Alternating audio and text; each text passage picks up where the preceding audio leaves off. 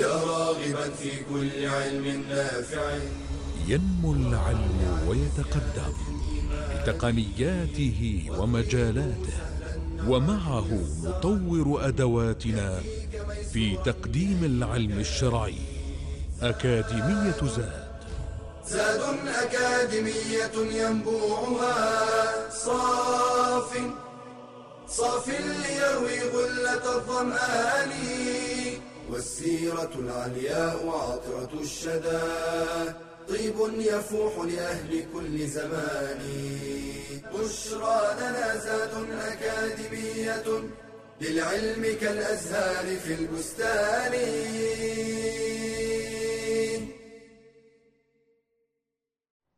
إن الحمد لله نحمده ونستعينه ونستغفره ونستهديه ونعوذ بالله من شرور أنفسنا وسيئات أعمالنا من يهده الله فلا مضل له ومن يضلل فلا هادي له وأشهد أن لا إله إلا الله وحده لا شريك له وأشهد أن نبينا محمدا عبده ورسوله صلى الله عليه وعلى آله وأصحابه وإخوانه ومن دعا بدعوته واستنى بسنته واهتدى بهديه إلى يوم الدين وبعد. فحياكم الله إخواني وأخواتي من طلاب وطالبات العلم في أكاديمية زاد في هذه الدورة الثانية وهذا المستوى الرابع من دراسة السيرة النبوية على صاحبها أفضل الصلاة وأتم التسليم. المقرر في هذا المستوى الرابع نتدارس فيه مواقف النبي صلى الله عليه وسلم وأحواله فيما يحب وفيما يبغض عليه الصلاة والسلام. اليوم إن شاء الله نتكلم عن ما يبغضه صلى الله عليه وآله وسلم. النبي عليه الصلاة والسلام ما كان إلا بشرا من البشر.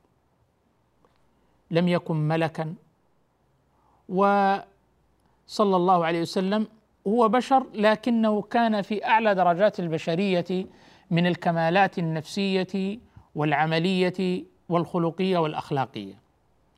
كان أكمل الناس بأبي هو صلى الله عليه وسلم ولذلك اصطفاه الله عز وجل لرسالته ولمحبته وأصبح خليل الرحمن سبحانه وتعالى. كان مثل البشر يحب ويكره يخاف ويحزن ويفرح يمرض ويصح مثله مثل بقية البشر يتزوج ينام يمرض يحب يحزن يفرح إذا مثل بقية البشر لكنه كان في كل ذلك من أكمل الناس. فكما كان يحب صلى الله عليه وسلم وتحدثنا عن شيء من محبوباته عليه الصلاة والسلام كان يكره بعض الأمور وبعض القضايا وبعض الأخلاق عليه الصلاة والسلام. يبغض. وهذا شيء طبيعي إلا أن بغضه لم يكن إلا لله وفي الله سبحانه وتعالى. يغضب لما يغضب الله عز وجل. يغضب أن تنتهك محارم الله. يكره ما يكرهه الله عز وجل.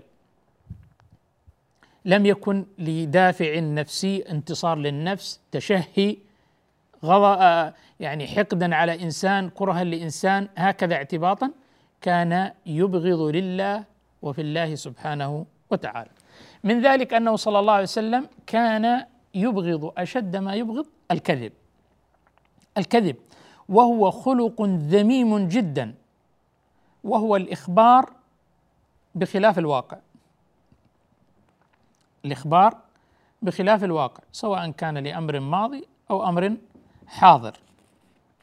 قالت عائشة رضي الله عنها ما كان خلق أبغض إلى رسول الله صلى الله عليه وسلم من الكذب. لا يوجد هناك خلق أبغض وأبعد من نفس النبي صلى الله عليه وسلم وشيء يكرهه كما يكره الكذب وهو مخال القول بمخالفة الواقع. ما كان خلق أبغض إلى رسول الله صلى الله عليه وسلم من الكذب. ولقد كان الرجل يحدث عند النبي صلى الله عليه وسلم بالكذبة. فما يزال في نفسه صلى الله عليه وسلم عليه حتى يعلم أنه قد أحدث منها توبة أخرجه أحمد وصححه الألباني. هذا يعني درس في المعالجات التربوية والممارسة التربوية التي يراد منها تصحيح الأخلاق وتزكية النفوس وتقويم هذه النفس وتربيتها التربية الصحيحة. اولا أن أبغض شيء كان إلى رسول الله صلى الله عليه وسلم من الأخلاق الكذب. وهذا كان أهل أهل بيته يعرفوا عنه، فهذه أم المؤمنين عائشه زوجته تعرف ذلك، وأصحابه يعرفون ذلك، وكل من عاشره أو صاحبه أو جالسه عرف منه صلى الله عليه وسلم أن أبغض شيء إليه الكذب. فإظهار هذه الكراهية للكذب عامل مؤثر في تعديل سلوك الآخرين تجاه هذا السلوك السيء وهذا الخلق السيء إظهار البغض والكره للأخلاق السيئة المذمومة من أك من أكبر المعينات على تجنبه وخاصة في من يقدر من جهة الأبناء والبنات والزوجة والطلاب ومن يتأثرون بهذا الإنسان. الثاني أنه إذا حدث عنده بالكذبة لم يزل في نفسه صلى الله عليه وسلم شيء تجاه الذي أحدث هذه الكذبة. ويشعره بذلك تأديبا لفاعله لأن مما ينهى ويباعد عن الخلق السيء التأديب على ممارسة هذا الخلق السيء حتى يحصل الكف عن هذا السلوك قد يكون هذا التأديب معنويا كالهجر وعدم التبسط إليه حتى يجد الطرف الآخر هذا الوجد عليه وهذه المجافاة. هذا سيعين على أن يعدل سيعين على أن يغير. لكن يفعل السلوك السيء والخلق السيء أمامنا ولا يصدر منا تجاه هذا الأمر تأديب وزجر لا معنوي ولا مادي ولا حسي ثم بعد ذلك نتوقع أن ينشأ أولادنا على الأخلاق الحسنة وينشأ طلابنا على الأخلاق الفاضلة. طيب هم يمارسون هذه الأخلاق السيئة أمامنا.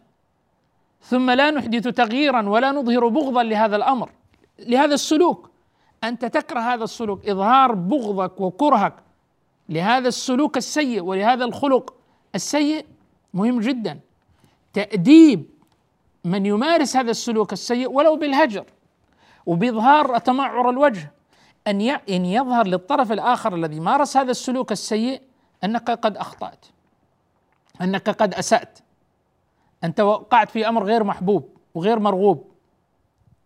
هذه الثانية. وأيضا زجر عن العود لمثلها. إذا مورست بهذه الطريقة التي كان عليها النبي صلى الله عليه وسلم فإن كثير من الأخلاق السيئة والسلبية تختفي. فهذا في مدار الكذب الذي هو من أسوأ وأبغض الأخلاق. وقد حذر النبي صلى الله عليه وآله وسلم من هذا الخلق السيء وقال وإياكم والكذب هذا تحذير. فإن الكذب يهدي إلى الفجور وإن الفجور يهدي إلى النار وما يزال الرجل يكذب ويتحرى الكذب حتى يكتب عند الله كذابا والعياذ بالله. اذا الكذبة الأولى تجر الكذبة الثانية تجر الكذبه الثالثة ها حتى يستمرئ هذا الخلق السيء وهو الكذب. فيهديه هذا الكذب إلى الفجور. الفجور هو أن يفجر فيتعدى حدود الله ومحارم الله عز وجل يقوده إلى ذلك الكذب. وهذا الفجور يتوالى عليه حتى يقوده إلى النار والعياذ بالله. وهذا الكذب من خصال المنافقين التي ذكرها النبي صلى الله عليه وسلم ومنها إذا حدث كذب. إذا حدث كذب. وأعظم الكذب هو الكذب على الله. إن الذين يفترون على الله الكذب لا يفلحون. وأيضا من أعظم الكذب الكذب على رسول الله صلى الله عليه وسلم. من كذب علي متعمدا فليتبوأ مقعده من النار. فمن أظلم ممن افترى على الله كذبا ليضل الناس بغير علم. ويل للذي يحدث فيكذب ليضحك به القوم ويل له ويل له ويل له كما أخبر النبي صلى الله عليه وسلم. وما في شيء اسمه كذبه بيضة وكذبه سوداء الكذب هو لون واحد. وهذه من الأخلاق التي كان يبغضها صلى الله عليه وآله وسلم. فاصل ثم نواصل آه، للتعرف على شيء مما كان يبغضه صلى الله عليه وآله وسلم. بشرى لنا زاد أكاديمية للعلم كالأزهار في البستان.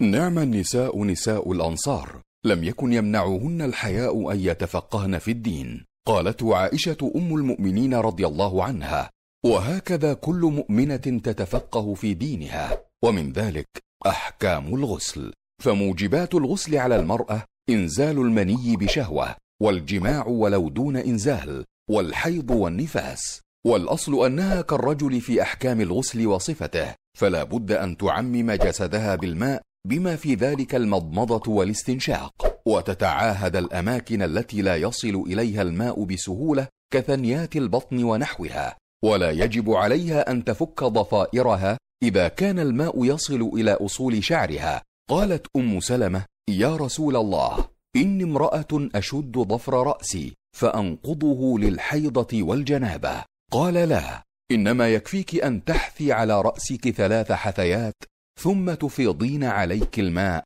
فتطهرين. وفي الغسل من الحيض تطهر أثر الدم بقطنة مطيبة بمسك أو نحوه كما قالت عائشة رضي الله عنها تتبعي بها أثر الدم. وإن كان على رأسها ما يمنع وصول الماء إلى البشرة من خضاب أو نحوه وجب إزالته. وإن كان خفيفا لا يمنع وصوله إليها فلا تجب إزالته. ولا يكفي المرأة المسح على شعرها في الغسل. وليلة الزفاف وأسبوع الزواج ليس مبررا للتفريط في واجبات الغسل كإيصال الماء إلى أصول الشعر. فالسعادة الحقيقية هي في طاعة الله والعمل بشرعه. قال تعالى من عمل صالحا من ذكر أو أنثى وهو مؤمن فلنحيينه حياة طيبة ولنجزينهم أجرهم بأحسن ما كانوا يعملون.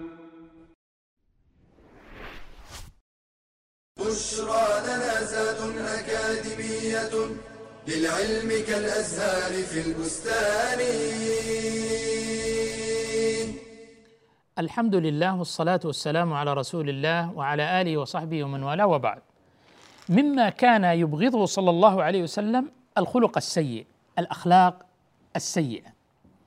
الأخلاق هي عبارة عن صورة النفس الداخلية كما أن الخلق هو صورة الجسد الظاهرية فالأخلاق هي الصورة الباطنة التي تظهر في بعض الممارسات والسلوكيات العملية فإذا كانت النفس داخلا سيئة فتظهر في ألفاظها في عباراتها في كلماتها. وكما أخبر ابن القيم قال الألسنة مغاريف القلوب والقلوب مثل القدور. ماذا في هذا القلب؟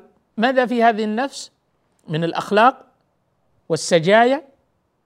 فهذا اللسان يغرف من هذا القلب ثم يخرجه إلى الظاهر. هذه الألفاظ هذه العبارات هذه الكلمات تعبر عن طبيعة النفس الداخلية وهي الخلق الحقيقي. ومهما تكن عند امرئ من خصلة وإن خالها تخفى على الناس تعلمي. يعني مهما كان عند هذا الإنسان ومهما تكن عند امرئ من خليقة وإن خالها تخفى على الناس تعلمي. تظهر. تظهر في السلوكيات. تظهر في الكلمات. فلتات الألسن فالنبي صلى الله عليه وسلم كان من أبغض ما يكون إليه الخلق السيء وكان يقول عليه الصلاة والسلام كما روى ذلك أبو ثعلب الخشني رضي الله عنه قال قال رسول الله صلى الله عليه وسلم إن أحبكم إلي وأقربكم مني في الآخرة أحاسنكم أخلاقا. وإن أبغضكم إلي وأبعدكم مني في الآخرة مساوئكم أخلاقا رواه أحمد وصححه الألباني. قضيتين. هناك أخلاق حسنة وهناك أخلاق سيئة. هناك أناس يتصفون بالخلق الحسن وهناك أناس يتصفون بالأخلاق السيئة. من اتصف بالخلق الحسن وأصبح سجية وطبعا ملازما له وريض نفسه وارتاضت على هذا الخلق فإنه يكون من أحب الناس إلى رسول الله صلى الله عليه وسلم ومن أقربهم إليه يوم القيامة. في رواية أقربكم مني مجلسا يوم القيامة. طيب سيء الخلق. من أصبح الخلق السيء له سجية وطبع وأبغضكم إلي. أي أبغض الناس إلى رسول الله صلى الله عليه وسلم. وماذا يرجو الإنسان إذا كان من أبغض الناس إلى رسول الله صلى الله عليه وسلم؟ ولو أضحكت الناس. ولو حصلت ما حصلت من هذه الدنيا. إذا كان الإنسان مبغوضا بغيضا إلى الله ورسوله ماذا ينتظر؟ إن الخسارة في الدنيا والآخرة. وإن أبغضكم إلي. وأبعدكم مني أو عني مساوئكم أخلاقا. أصحاب الأخلاق السيئة. في بعض الروايات جاء وإن إن الرجل ليدرك بحسن خلقه درجة الصائم القائم. حسن الخلق يوصله إلى هذه المراتب العالية لأولئك اصحاب الصيام والقيام. وإن سوء الخلق ليفسد العمل كما يفسد الخل العسل. العسل مشروب طيب وطعام طيب ومغذي وفيه شفاء وفيه دواء وفيه صحة وفيه قوة وهو من أطيب الأطعمة. ومع ذلك هذا العسل الطيب حينما تضع عليه هذا الخل فإنه يفسد هذا العسل. وإن سوء الخلق يفسد العمل. فشبه سوء الخلق بالخل والعمل بالعسل. فهذا الخلق السيء يفسد الأعمال كما يفسد الخل العسل.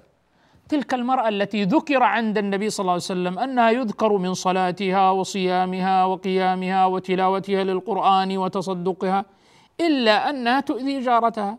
قال هي في النار.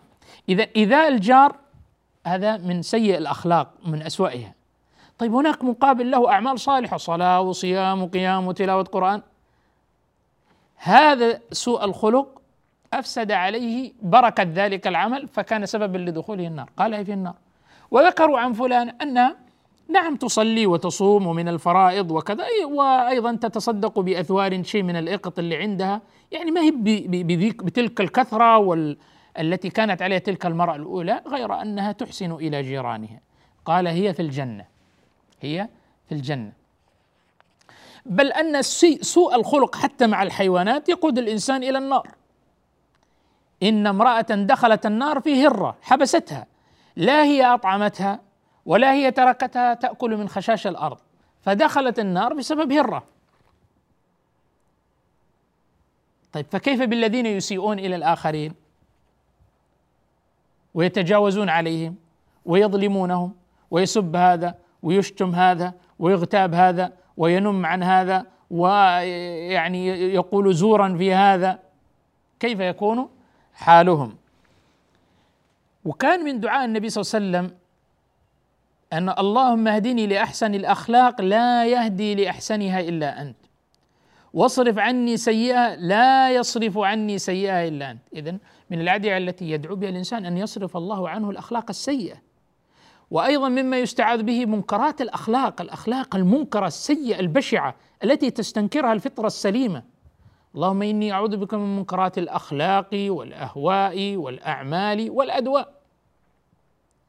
فيستعيذ الإنسان من هذه الأخلاق المنكرة. أصحاب الأخلاق السيئة كما أنهم أبعد الناس عن النبي صلى الله عليه وسلم أبغضهم إليه فايضا أبعد الناس عن الخلق. الناس يتأذون بهم. الناس يتضررون منهم. كم تضررت زوجة من زوج صاحب أخلاق سيئة وحول حياتها إلى جحيم بأخلاقه السيئة.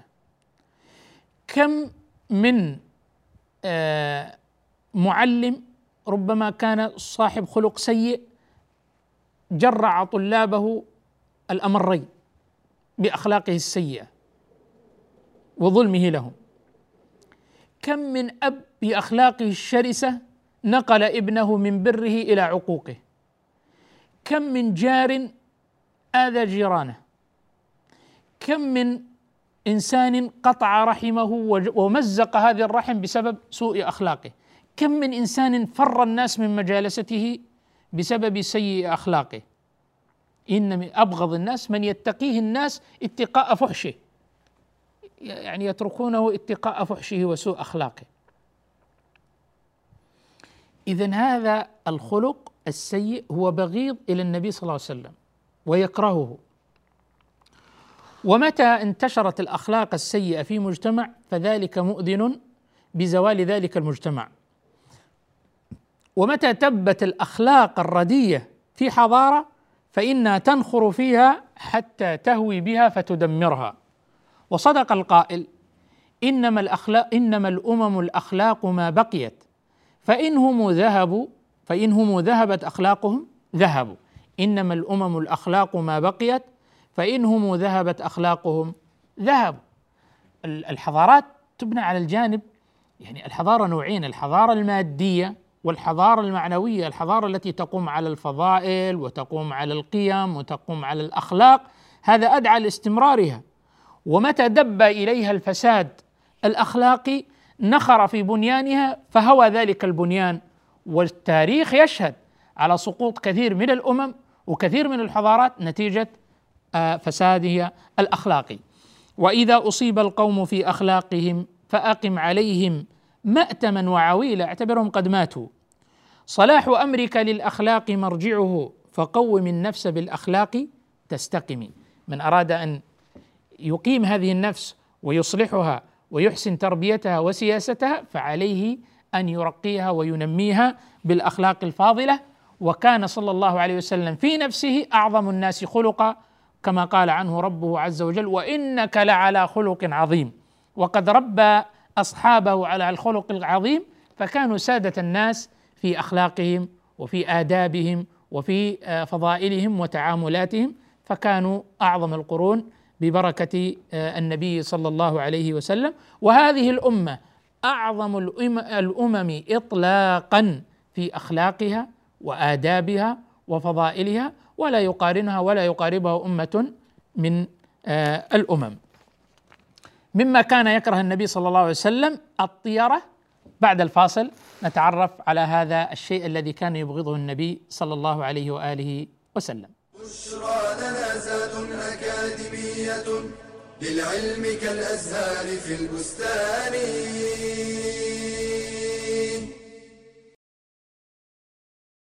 لا تغضب لا تغضب لا تغضب. هكذا كررها النبي صلى الله عليه وسلم مرارا تأكيدا لأهمية اجتناب الغضب ودفع أسبابه. فالغضب نار في القلب وشرر في العين وتوتر في الأعصاب وسرعة في الانتقام وسوء في التصرف. وكم مزق الغضب من صلات وقطع من أرحام وأشعل من عداوات. والمسلم العاقل يبادر إلى إطفاء نار الغضب قبل اشتعالها. وقد جاءت السنة والآداب الإسلامية بأسباب تعين على ذلك منها السكوت. ذكر الله عز وجل والاستعاذة به من الشيطان الرجيم لقوله تعالى واما ينزغنك من الشيطان نزغ فاستعذ بالله إنه سميع عليم. ولقوله صلى الله عليه وسلم في رجل رآه غاضبا إني لأعلم كلمة لو قالها ذهب عنه ما يجد. لو قال أعوذ بالله من الشيطان ذهب عنه ما يجد.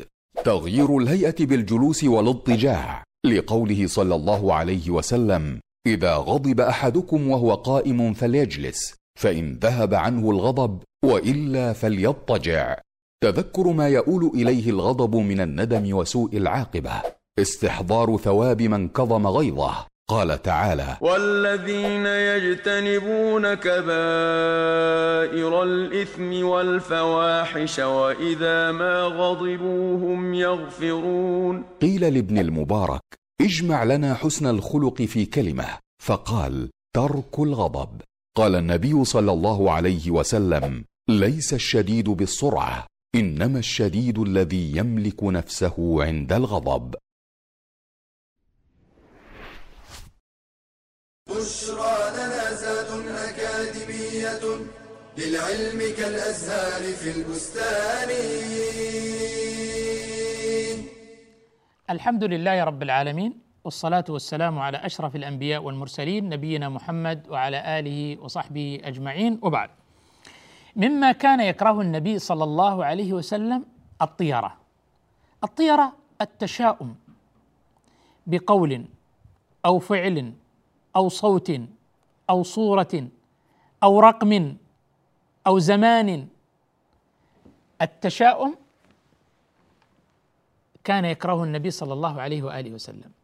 وهذا كان موجود يعني في الجاهلية عند العرب وعند غيرهم. وأيضا هو موجود في الحاضر عند كثير من الأمم. بعضهم يتشائم برقم بعضهم بصوت بعضهم بشكل بعضهم بشيء يسمعه باسم. فالنبي صلى الله عليه وسلم كان يبغض ويكره التشاؤم وكان صلى الله عليه وسلم يحب الفأل. عن معاوية بن الحكم السلمي رضي الله عنه أنه قال للنبي صلى الله عليه وسلم يا رسول الله إني حديث عهد بجاهلية وقد جاء الله بالإسلام وإن منا رجالا يتطيرون. يتشاءمون بالصور بالأشكال بالأرقام بمسميات وإن منا رجالا يتطيرون. قال صلى الله عليه وسلم ذاك شيء يجدونه في صدورهم فلا يصدنهم. ذلك الشيء من التشاؤم أو التطير الذي يجده الإنسان في نفسه لا يحمله أن يصده ويمنعه عن الإقدام من العمل الذي سيعمله إن كان ذلك العمل خيرا في نفسه. وقد أخبر أبو هريرة رضي الله عنه أن النبي صلى الله عليه وسلم كان يكره الطيرة كان يكره الطيرة وهي التشاؤم أخرجه أحمد بن ماجه وصححه الألباني. في هذا الحديث حديث معاويه بن الحكم السلمي إني حديث عهد بجاهلية. يعني الإنسان كان الذي أسلم للتو أو قبل فترة قصيرة هو لا زال يرث أشياء كثيرة من الحالة السابقة قبل الإسلام قبل دخوله الإسلام من التصورات والاتجاهات الذهنية والتصورات والعقائد العقلية وأيضا من الجوانب النفسية وأيضا الممارسات العملية. كل هذا هو تركة العصر الجاهلي. أو ما قبل الإسلام أو قبل أن يدخل إلى الإسلام. فإذا دخل في الإسلام هنا تتغير عنده يعني كل التصورات أو أو أغلبها التصورات والعقائد الافكار الجوانب النفسية الاتجاهات السلوكيات الأعمال الأخلاق الآداب كلها تتغير لأن الإسلام يعيد صياغة الإنسان صياغة جديدة حتى يكون الإنسان الذي خلقه الله لعبادته والغاية التي أوجده من أجلها. فيقول كنا يعني قريب عهد بجاهلية. وقد جاء الله بالإسلام الذي أعاد ترتيب حياة الإنسان من جديد وأعاد صياغة شخصية الإنسان من جديد ورده إلى الفطرة السوية السليمة وإن منا رجالا يتطيرون يعني يتشاءمون. فأخبر النبي صلى الله عليه وسلم أن ذاك شيء يجدونه في صدورهم في نفوسهم. فلا هذا الشيء الذي يجده في لا يحمله على أن يرجع أو يصد عن مثلا أن يسافر أن يقدم بناء على هذا الاسم آه الذي تشاءم به. وذكرنا في لقاء سابق تأثير هذا التشاؤم على الإنسان في أنه أول شيء خلل في التصور. يعني رقم من الأرقام مثلا الطابق رقم 13 كثير؟ يعني في بعض آه، البيئات يعني يرون أن ذلك رقم يتشائم به مثلا. طيب ما الذي يعني يعني اختلف الرقم 12 عن 11 عن 13 اذا هذا خلل في التصور خلل في الاعتقاد اسم من الأسماء. شكل من الأشكال طير من الطيور يتشائم صوت يسمعه الإنسان. هذا خلل في التصور. هذا الخلل في التصور يؤثر على داخلة الإنسان في نفسيته. إذا ما يحدث من تصورات عقلية يؤثر على المشاعر النفسية فتجد يشعر بالقلق تجاه هذا الشيء والخوف. وهو أصلا مبني على تصور خاطئ. فبنيت مشاعر سلبية على تصورات خاطئة، طيب ثم يتبعها بعد ذلك سلوك وعمل. يحجم عن هذا ويترك هذا ويتوقف عنه ويأخذ بناء على ما هذه كلها سلوكيات. طيب هذه السلوكيات مبنية على هذه التصورات السيئة. فلا يصدنكم. فالتشاؤم مبغوض مكروه في الإسلام ومما كان يبغضه ويكرهه رسول الله صلى الله عليه وآله وسلم والمسلم ينبغي عليه أن يكون متفائلا متفائلا مقدما غير محجم مما كان يكرهه صلى الله عليه وسلم كراهته الثوم من أجل ريحه، يعني من المأكولات ومن المطعومات كان يكره الثوم. فعن جابر بن سمرة رضي الله عنه قال: نزل رسول الله صلى الله عليه وسلم على أبي أيوب، أبي أيوب الأنصاري في مقدمه في هجرته، وكان إذا أكل طعاما بعث إليه بفضله، فبعث إليه يوما بطعام ولم يأكل منه النبي صلى الله عليه وسلم. هذا شيء مفزع. كون أبو أيوب يرسل للنبي صلى الله عليه وسلم بالطعام ولا يأكل منه. فلما أتى أبو أيوب النبي صلى الله عليه وسلم فذكر ذلك له يعني يا رسول الله لم تأكل من طعامنا. فقال فيه ثوم. سبب عدم الأكل فيه ثوم. يعني هذا التصرف صار من النبي صلى الله عليه وسلم. سئل عن سبب هذا التصرف فبين أنه ثوم. فأراد أن يستفصل أبو أيوب الأنصاري رضي الله تعالى عنه قال يا رسول الله أحرام هو؟ يعني أنت تركته لأنه حرام هذا الثوم وأكله. قال صلى الله عليه وسلم لا ولكني أكرهه من أجل ريحه. أخرجه الترمذي وصححه الألباني. اذا يعني كون النبي صلى الله عليه وسلم ما أكله لا لأنه حرام بل لأنه يعافه نفسه تعافه ويكرهه من أجل ريحته.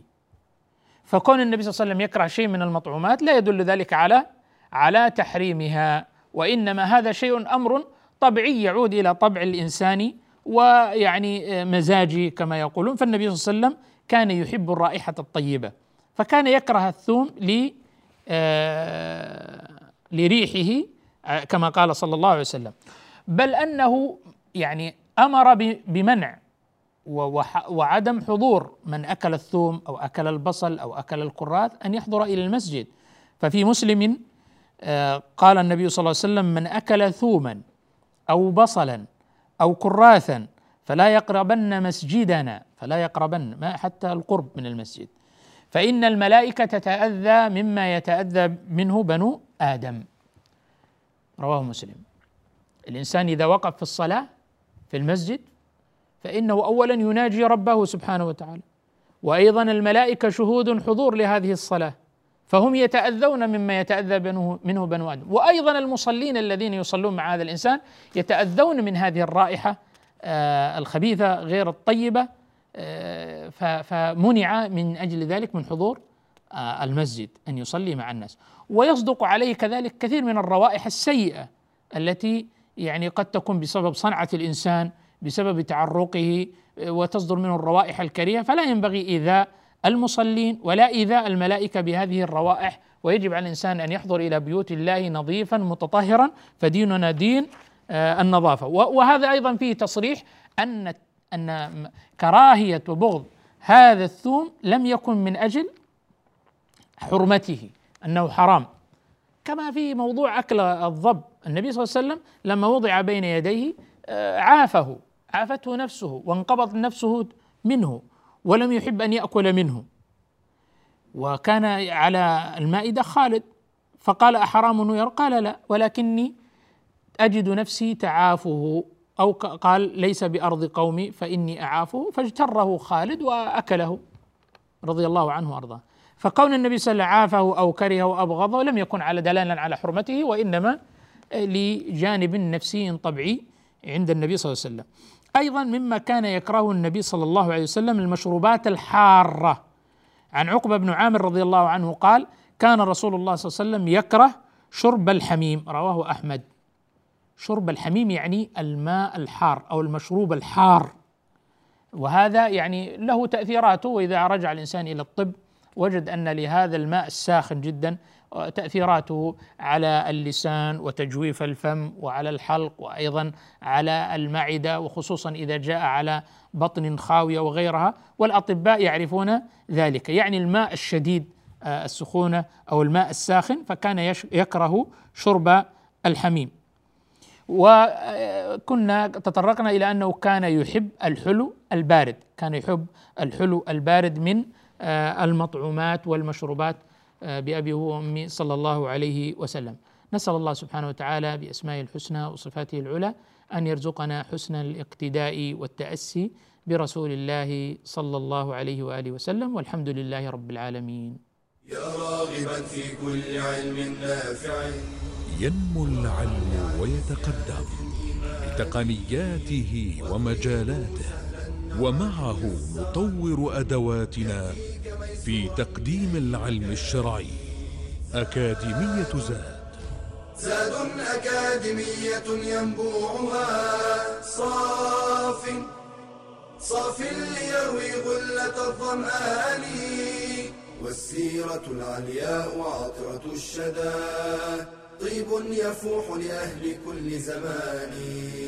بشرى لنا زاد أكاديمية للعلم كالأزهار في البستان.